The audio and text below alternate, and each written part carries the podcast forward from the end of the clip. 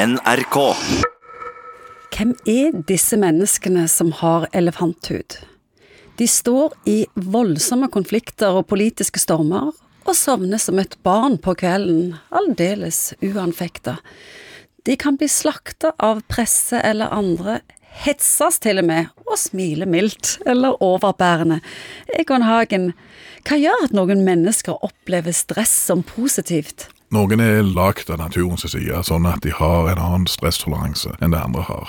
Noen kan vippes veldig lett av pinnen og føle at det koker i hodet, og det blir for mye. Og føle seg Og ligge søvnløse? og ligge søvnløse. Så Noen er skrudd sammen sånn fra naturens side at de har bedre forutsetninger for rett slett å håndtere uforutsigbare og negative hendelser. Det virker nesten som en kreativ kraft. Ja, absolutt. Og så er er det jo sånn at eh, det er litt sånn dobbelt. Noen er sånn at ok, hvis de har vært gjennom mye tøft, så får de tjukkere hud. Og så er det for noen andre så er det sånn at hvis du har vært gjennom mye tøft, så er det sånn at du, du får en overreaksjon faktisk til ting som oppleves som uforutsett og vanskelige. Det de fleste politikere eller de som fronter ting i landet vårt står i i perioder, det hadde jo gjort de aller fleste av oss rimelig stressa. Det ene er selvfølgelig det som handler om erfaringer for å bli eksponert, lagt ut i ulike medier og, beskrevet kanskje også i negative ordlag, både fra aviser og fra andre kolleger. Og erfaringen er selvfølgelig en viktig del av dette med elefanthud. Men så er det òg det der med at noen tiltrekker seg denne type jobber, er nok i utgangspunktet òg liksom prefabrikerte til å kunne passe der. Jeg tror ikke de mest bevrende og hypersensitive og krenkbare velger den type jobb. De finner rett og slett andre plasser å være. Det er litt det samme som denne Kjeragbolten. Altså, de som hopper utpå der, de vet at de ikke detter ned. Det er ingen som detter ned så langt, og der er en naturlig seleksjon i forhold til mange sånne ting. Vanlige folk.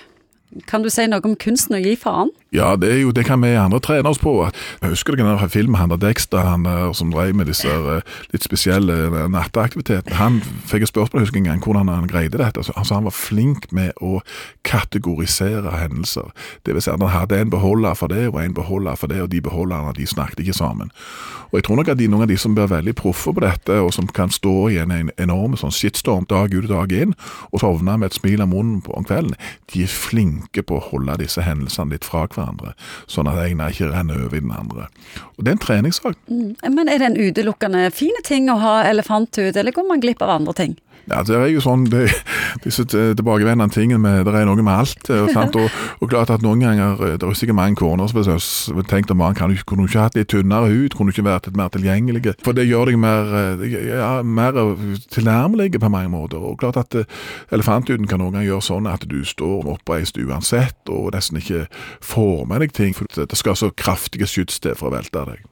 Det at politikken nå virker å være sånn at det er utelukkende for de med elefanthud, skal vi ha det sånn? Det syns jeg det ville vært trist hvis det blir sånn, faktisk. Og, eller, kan si Sånn er det nå. Ja, ja, det ser, ser ut som det går den veien. Eller politikere som har levd bare perfekte liv. Det er liksom en mm, kan merkelig tid egentlig vi lever i, hvor vi på ene side ønsker liksom det der, det der sandblåste, spraylakkerte, og samtidig så ser det ut til å være en toleranse for det antiintellektuelle og grove og plumpe. NRK.